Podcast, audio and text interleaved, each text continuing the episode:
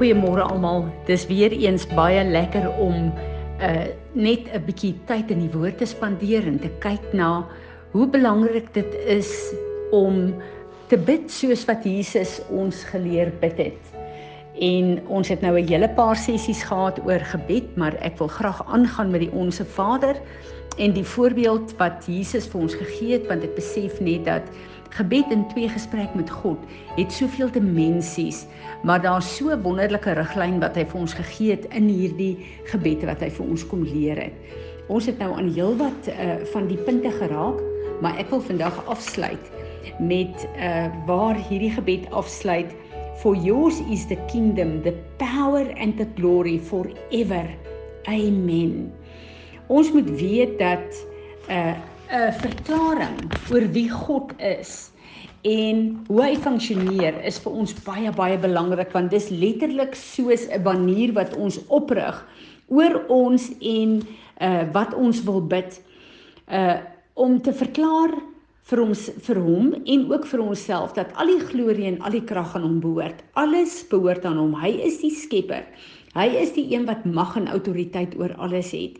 En uh as ek kyk na die manier wat hy vir Israel uh die Israeliete geleer bid het in die verklaringe wat hulle vind elke dag moet doen in hulle verhouding met die Here.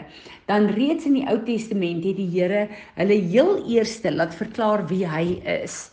Want ek en jy het nodig om ons fokus op hom te plaas en deur te verklaar wie hy is en wat aan hom behoort, plaas ons fokus op hom want as ons bid moet ons fokus op hom wees. Hy is die een wat antwoord dit wat ons bid. Hy is die een wat alles beheer. Dis vir my so interessant uh Derrick Prins wat so 'n vader in die geloof is het uh, een keer gesê dat as hy 8 minute het uh, as hy 8 uh, minute het om te pray uh, te bid uh, dan sal hy 6 van daai 8 minute eers aan lofprysing en eer betoon vir God gee. Want daarna sal hy uh, genoeg tyd hê om te bid wat hy gebid wil hê in die 2 minute wat oorbly.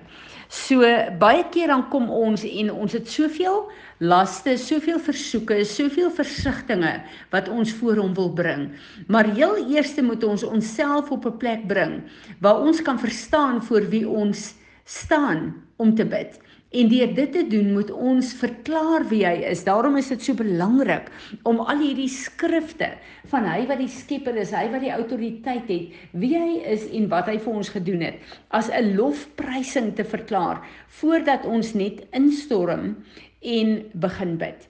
En uh, in hierdie hele proses maak dit ons gereed om met die regte nederige afhanklikheid voor die Skepper wat ook ons Vader is te kan staan. En wanneer ons bid vir sy koninkryk om te kom in ons lewe, dan moet ons weet dat uh daar is letterlik 3 ehm um, uh uh faktore wat ons in gedagte moet hou.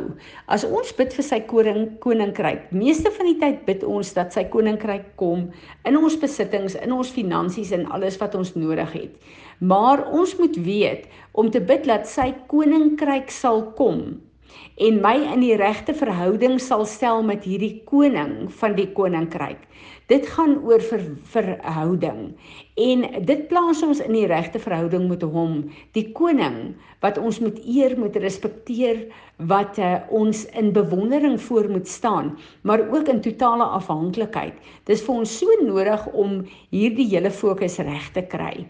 En dan moet ons ook weet dat as ons regtig waar vra Here laat u koninkryk kom in my lewe, in my emosies, in my finansies, in my verhoudings, in my verhouding met U. As ons dit regtig bid, dan gaan die Here ons sy uh wil vir ons lewe, sy koninkryks reëls en strukture in elke faset van my lewe, gaan hy vir my kom oopmaak. Hy gaan ook vir my leer uh, uh elke ding wat ek gekonfronteer word of dit my loopbaan, my werk, my huwelik, hy gaan die struktuur van die koninkryk vir my kom leer. En elke struktuur van die koninkryk, dit wil sê Vader se wil, gaan dan alle ehm um, uh uh verkeerde goed in my lewe kom op en neer. Dit gaan vir ons wys wat verkeerd is. Want baie keer het ons gedagtepatrone en goed in ons lewe wat sosiaal aanvaarbaar is, maar is nie aanvaarbaar vir die Here nie. So, ehm um, dan laat ons goed in ons lewe toe wat heeltemal oukei okay is. Kom ons gaan nou maar na die 'n maklike een om te verstaan toe. Daar is sekere programme op die TV. Ag in die hele wêreld kyk dit dit is op die TV, dis alles sosiaal aanvaarbaar. Maar as jy kyk na dit, wat uitgespeel word in daai programme, dan besef jy maar hierdie strukture is nie die koninkryk van God nie. En dit gaan my beïnvloed in my emosies en my persepsies van sekere uh, goed wat ek moet verstaan. En daarom moet God se koninkryk uh land in my begeertes van wat om te kyk en wat om nie te kyk nie. En dis so belangrik dat hy vir ons kom en sê soek eers die koninkryk van God en sy geregtigheid. En dan gaan alles vir ons gegee word. Hierdie het ek so 'n 'n getuienis in my eie lewe. Hoe meer ons God en sy koninkryk soek, hoe meer sien ons God vir wie hy is Hoe meer verstaan ons sy wil in elke aspek van ons lewe en ook in die wêreld. En weet julle as dit ons oogmerk is en ons fokus so op hom en sy koninkryk is, dan skielik kom jy agter, maar jy bid nie meer so baie vir jou behoeftes nie. Want as ons fokus op hom en sy koninkryk is met alles in ons, dan begin die Here alles byvoeg wat ek en jy nodig het in ons elke dag se lewe. En vir my is dit so interessant as ons kyk na Salomo. Salomo het gekom en hy het gebid en gevra God, ek wil wysheid hê. U wysheid om hierdie roeping van my te vervul. Nou wysheid as ons kyk na uh, Spreuke 8 is Jesus Christus self. So Salomo het heel eerste Jesus, die koninkryk van God, die koning van hierdie koninkryk, het hy gesoek. En omdat hy die koning in die koninkryk gesoek het, het God alles vir hom op aarde bykom voeg en het hy uh die wysheid van hierdie koning in die koninkryk gekry, maar ons weet ook hy was een van die rykste mense wat gelewe het en ons weet hoe het hy as 'n regter en wysheid van God opgetree in die volk en in elke situasie um, op aarde. So vir ons is dit baie belangrik om ons fokus te kry reg in die begin wanneer ons hom loof en prys as ons begin bid, maar ook om af te sluit en te sê Here, alles wat ek hier gebid het is opgesluit in u koninkryk en ek wil graag hê dat u koninkryk sal kom in my lewe. Ons moet weet dat God het ons uh geskep vir intimiteit. En as ek en jy nie in intimiteit met God staan nie, dan kan ons nie regtig waar uitstap die roeping en die doel vir ons lewe wat hy ons hier op aarde kom plaas het nie. Ons kan dan nie die vrug hê wat hy deur ons lewe wil release hier op aarde nie. So uh om te bid en te sê aan U behoort die koninkryk, die krag en die heerlikheid.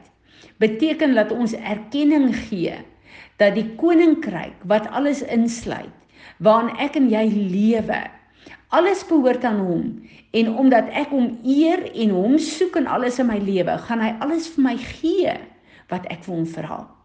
En dit is hoekom hy vir ons sê, alles wat ons vra in die naam van Jesus, wat sy wil is, gaan hy vir ons gee. En baie keer het ons hierdie persepsie dat ons moet smeek en sobat vir sekere goed. Waar ek glo dat ons fokus is net verkeerd. En ons moet weet hy het vir ons 'n reël en 'n perspektief kom gee dat soos wat dit in die hemel is, so kan ek en jy vra dat dit op aarde gaan wees en dat alles wat ek en jy hier op aarde nodig het om as 'n verteenwoordiger van hierdie koninkryk, dit wil sê 'n hemelding te lewe, is opgesluit in hierdie koninkryk. En die koning van hierdie koninkryk is my en jou se Heer en se meester. Piet, sal jy vir ons afsluit asseblief en laat ons bid en opnuut vir die Here vra om vir ons 'n passie te gee om te bid.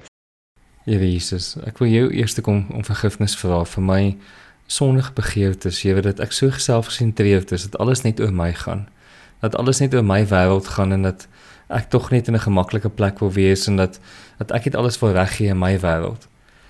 Here, dit dat ons nie belangstel en dat ek nie belangstel wat in u koninkryk aangaan en wat u in u koninkryk wil hê en dat ek nie eintlik reg belangstel om om te bid in u koninkryk nie. Here, ek hoef vir om, om ons harte te kom verander. Here, kom kom verander ons wesens, wesens dat dat ons onsself by u kom skaar weer, dat dat ons kan weet wat dit is om in u koninkryk in te bid. Heilige Gees, kom gee die passie terug in ons harte. Kom brand u vuur in ons dat ons begeertes u begeertes sal wees. Here dat ons ons karakters by 'n plek sal uitkry dat dit by u pas, Here. Here U sê in die woord ons moet elke dag ons kruis opneem. Here dat ons ons karakters elke dag ons kruis sal opneem sodat ons karakters kan submit onder u en by u pas, Here. Dankie Here Jesus vir vir u genade en dankie dat dat u 'n pad met ons uitloop en dankie dat u u goed vir ons begin oopbreek sodat ons dit met ons breine kan verstaan. Here, my help ons dat soos wat ons hierdie goed met ons breine verstaan, dat hierdie goed in ons harte insink, dat ons wesen sal word dit wat u woord is, Here. Dankie daarvoor. Amen.